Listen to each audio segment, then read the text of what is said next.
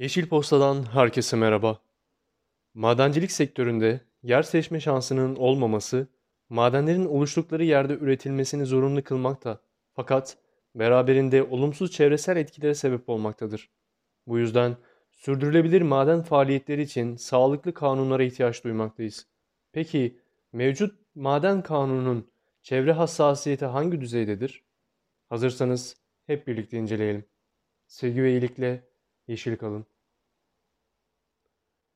Madencilik sektöründen kaynaklanan çevresel, ekonomik, teknik problemler öngörülen tesisin izin ve ruhsat aşamasından başlamaktadır.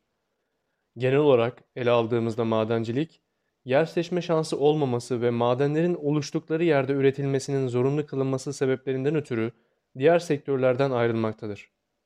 Bununla beraber maden kanununun bu hassasiyete paralel olarak izin ve ruhsat alacak gerçek veya tüzel kişilere teknik gereklilikler sunacağı bir maddesi olmalıdır.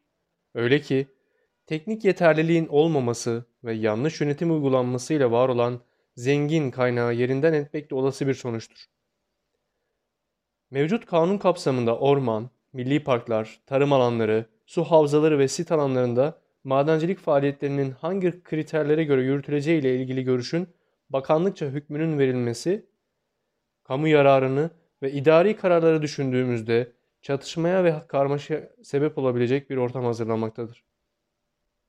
Diğer sektörler için gereklilikler tek bir şartlar bütünlüğüyle sağlanabiliyorken, madencilik faaliyetleri için uygulamaya göre koşul değişikliği anlayışı, dünya iklim kriziyle boğuşmaya çalışırken önceliklerin hangisi olması gerektiğine dair düşünceler üretmektedir.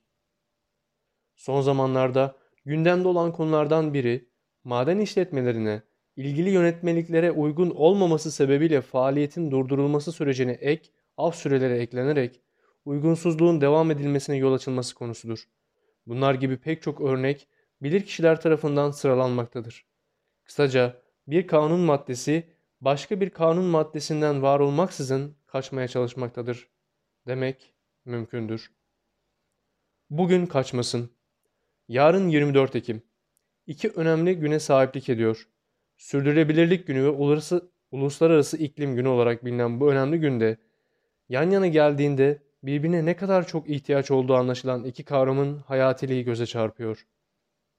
Gündem Yeni bir çalışmaya göre plastik biberonların sıcak su ile dezenfeksiyonundan kaynaklı olarak bebeklerin 4000 ile 14000 arasında mikroplastik yuttukları belirlendi. Haberin detaylarına mailimizdeki bağlantıya tıklayarak ulaşabilirsiniz.